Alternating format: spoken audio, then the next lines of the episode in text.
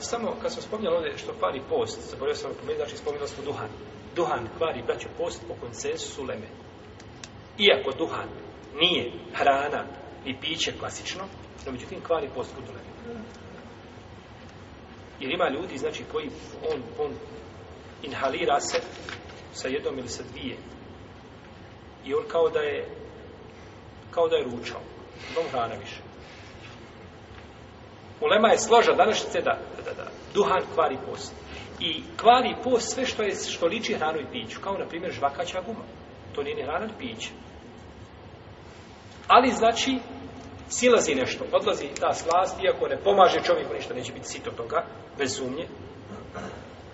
Bombone, isto tako, kvari post a sve što ne kvari, što, što bi bilo u ustima, da ništa ne silazi, da, da ima nekakva, naprijed, komad gume, uzeo i žvače. Prebaciva ga. To je mikro. Ništa ne silazi. Znaš, ništa ne ide u njega, znači neće šta pokvariti. Post. No, međutim, mikro je. Zato što si otvorio ljudima priču. Ti ideš i žvačeš u Ramazanu. I pod govorom prođeš, moraš izvesti pokazati to guma. Da to kauču. Ja znam šta ti što ustaviti ustaviti. Ne može znači to dokazati. To je samo put i mekruh je. Čak neka ulema znači smatrala da ne treba čovjek da se kupa, da se tušira da bi ublažio sebi tegob posta, kažu to je mekruh, ako je ispravno da nije doćemo do toga da je to dozvoljeno. To su radna Hasan al-Basri i drugi. No međutim kako onda kada otvaraš znači puteve šejtana? Pa treba znači i zatvoriti.